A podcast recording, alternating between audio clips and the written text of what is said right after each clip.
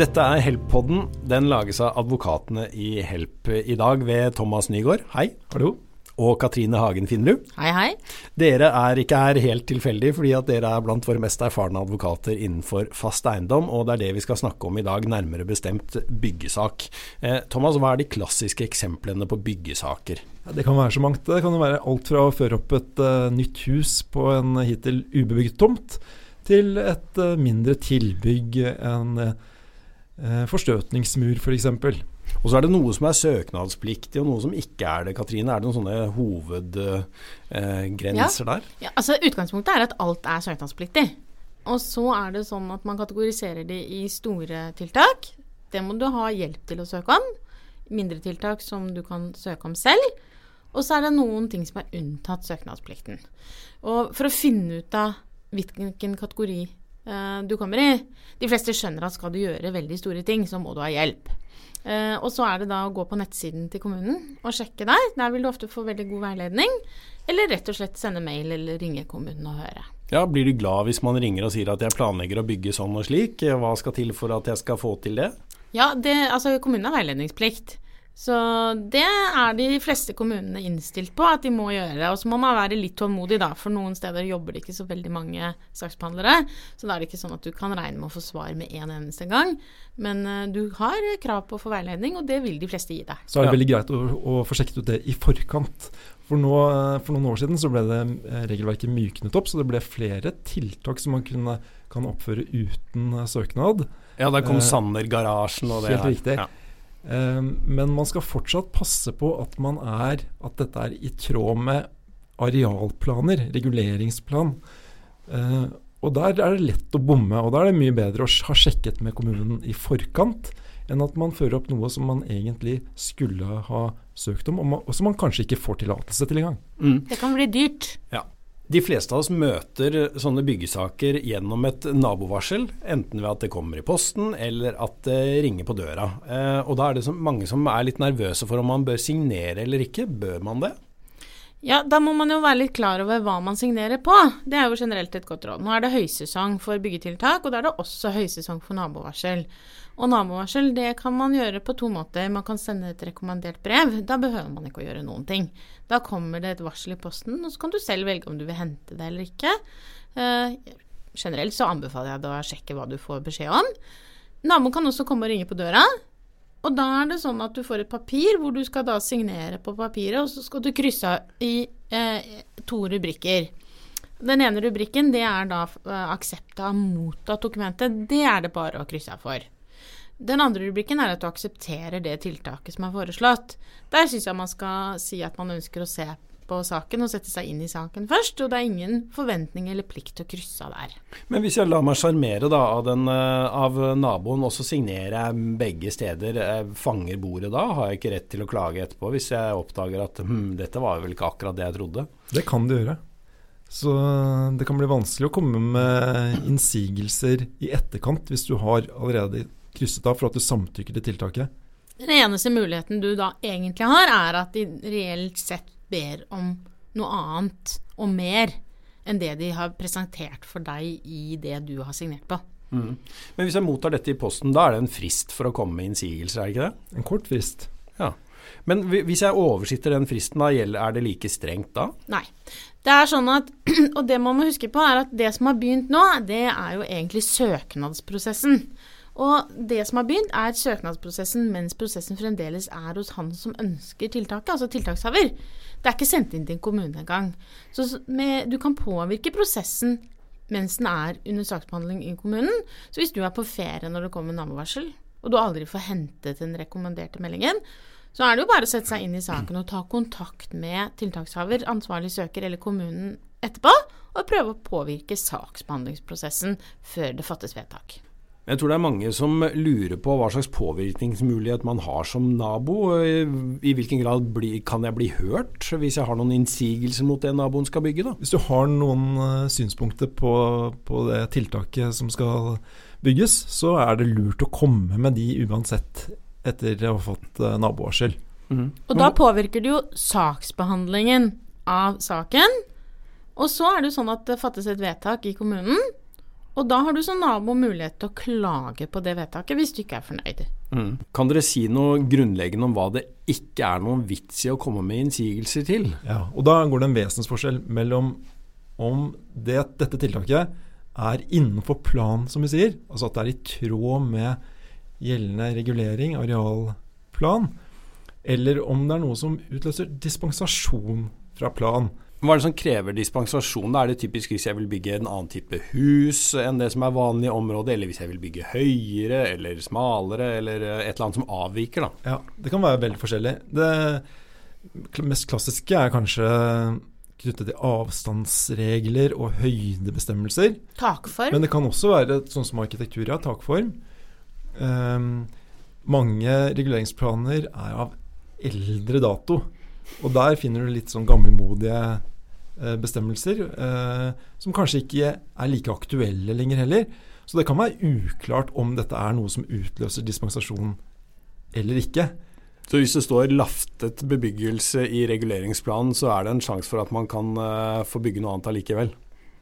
Ja, den, den, regelen gjelder kanskje, men det er kanskje større mulighet til å få dispensasjon da, for den som søker. Hvis en søknad er innenfor gjeldende reguleringsplanen, krever ikke dispensasjon, har jeg da ikke noe jeg skulle ha sagt som nabo?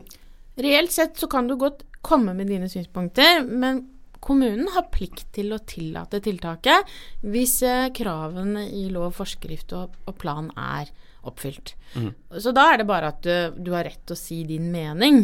Så kan Men, det hende at uh, tiltakshaver faktisk tilpasser tiltaket noe fordi han vil uh, ha et godt forhold til deg som nabo? Ja, det kan være. Um, men uh, i det dere sier, så ligger det vel at det skrives en del unødvendige innsigelser da, i disse, som tilsvar til disse nabovarslene. Hva er det jeg typisk ikke vil vinne fram med? Du vil ikke vinne fram med at du taper utsikt du vil ikke vinne fram med at du får innsyn på eiendommen din, så lenge naboen bygger i tråd med da, lov, forskrift og plan.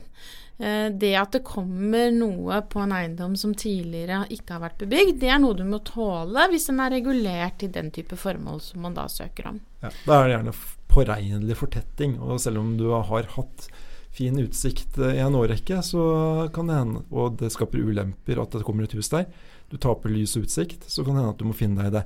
Men det kan være et poeng, akkurat når det gjelder plassering, at man kommer med innspill. Hvis huset kunne vært plassert like godt litt lenger vest, f.eks. Og så har man jo den morsomme skjønnhetsparagrafen i plan- og bygningsloven som går på det estetiske. Uh, og det vi jo ser, er at uh, den praktiseres veldig forskjellig i de ulike kommunene. Uh, og man er egentlig avhengig av å knytte den bestemmelsen opp mot noe mer konkret, altså typiske strøksreguleringer eller veiledninger for hvordan man skal se ut i området, for at man reelt sett skal kunne komme med innsigelse for hvordan det huset som skal bygges, ser ut. Typisk er det jo at uh, man ønsker å bygge moderne funkishus med flatt tak, og naboene rundt ikke liker flatt tak.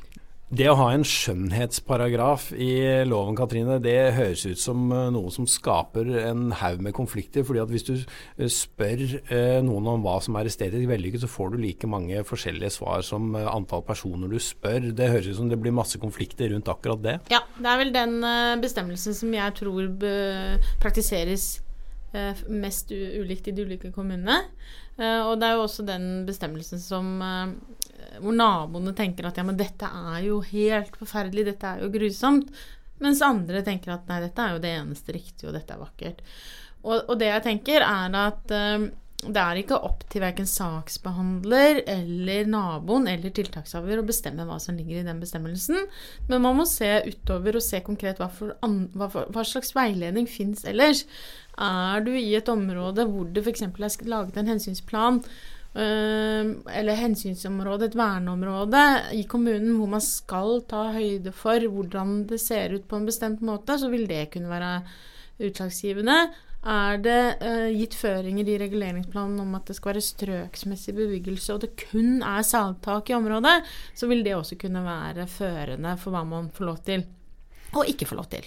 Men dere, i det dere har sagt nå, så ligger det at det kan være ganske komplisert å vurdere eh, om jeg kan komme med innsigelser eller ikke. Er dette en type saker hvor man egentlig bør oppsøke advokat, både hvor man er på søkersiden eller eh, naboen som skal forholde seg til byggeprosjektet?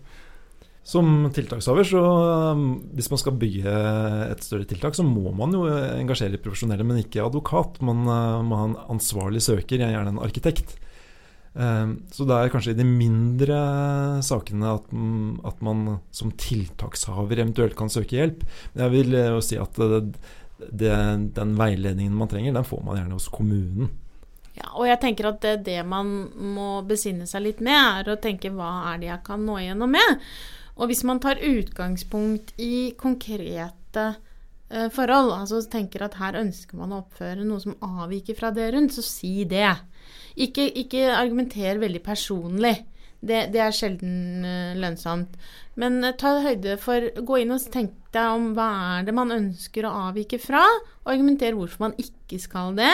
Eller eventuelt gå inn og se på dispensasjonen og komme med argumentasjon for hvorfor bør man ikke gi dispensasjon i denne saken.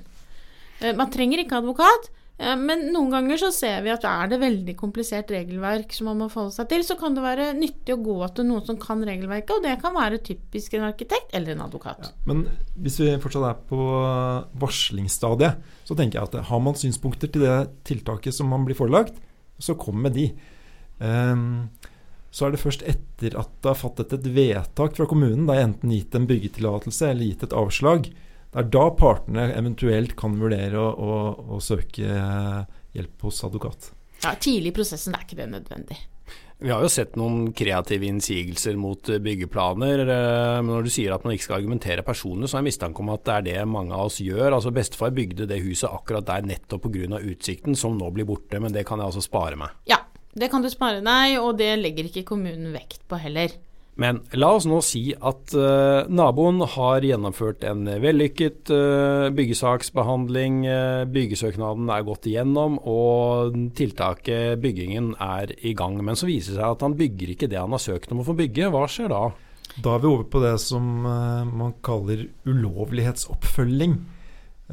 man kan eventuelt varsle kommunen om at her er det et avvik. Og så plikter kommunen eh, i utgangspunktet å undersøke dette nærmere og eventuelt følge opp. Ja, da kommer de på befaring, da. Det gjør de fort, da. Ja, og da er det jo litt, litt, forskjell på hvor man er i prosessen. Hvis det er under bygging Altså prosjektet har ikke fått uh, brukstillatelse eller, eller, er ferdig, så vil kommunen kunne gå inn og kreve endringssøknad eller dispensasjonssøknad for at de skal kunne fortsette. Da vil også kunne stanse prosessen. Og det er dyrt. Og når det begynner å koste penger, så blir også tiltakshaver mer villig for å gjøre endringer. Eh, er derimot bygget ferdig og har fått en, en ferdigattest, så kan jo i verste fall kommunen trekke tilbake ferdigattesten. Men man må også kunne forvente at kommunen følger opp ovenfor tiltakshaver og sier at her er det noe som avviker i forhold til det du har fått tillatelse til. Og så må du kanskje endre på det, og det kan også bli dyrt. Men Betyr det da at man kan få ferdigattest uten at noen sjekker om dette er i tråd med det du søkte om? Eh, altså, du kan få ferdigattest på feil grunnlag. Det er det du kan få. Og det hender jo da at du får en ferdighetstest, og så viser det seg at det er egentlig noe helt annet du har søkt om, og du har gjort mye mer. Mye mer som kanskje hadde krevd at du søkte om det også, og kanskje også dispensasjon. Og det fins jo ganske mange eksempler på det nå på, på Telemarkskysten. Eh, hvor det er veldig flotte hytter eh, som er oppført, mens det kanskje ikke var søkt om akkurat det samme. Hele systemet er basert på at eh, det sendes inn erklæringer fra de ansvarlige. Så kommunen stoler i utgangspunktet på at det er riktig. Så kan det jo hende at de selv oppdager, eller blir tipset om at det ikke stemmer.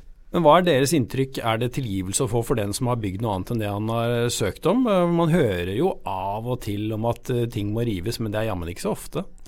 Ja, det, det kommunen gjør, da, de ber for det første om en redegjørelse fra tiltakshaver. Og hvis de er på det rene at det er et avvik, så gir de gjerne muligheten til å søke om eh, Søke på nytt. Søke om det reelle tiltaket. Ja. ja. Eh, og søke om etterhåndsgodkjenning.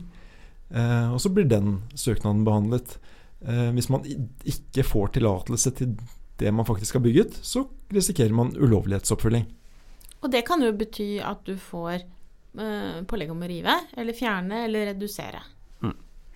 Dette var en eh, liten innføring i byggesakens vidunderlige verden. Eh, jeg tror vi nøyer oss med det, så får vi heller bygge ut eh, dette temaet senere, for det er veldig mye å si om det. Takk for at du hørte på Heltpodden.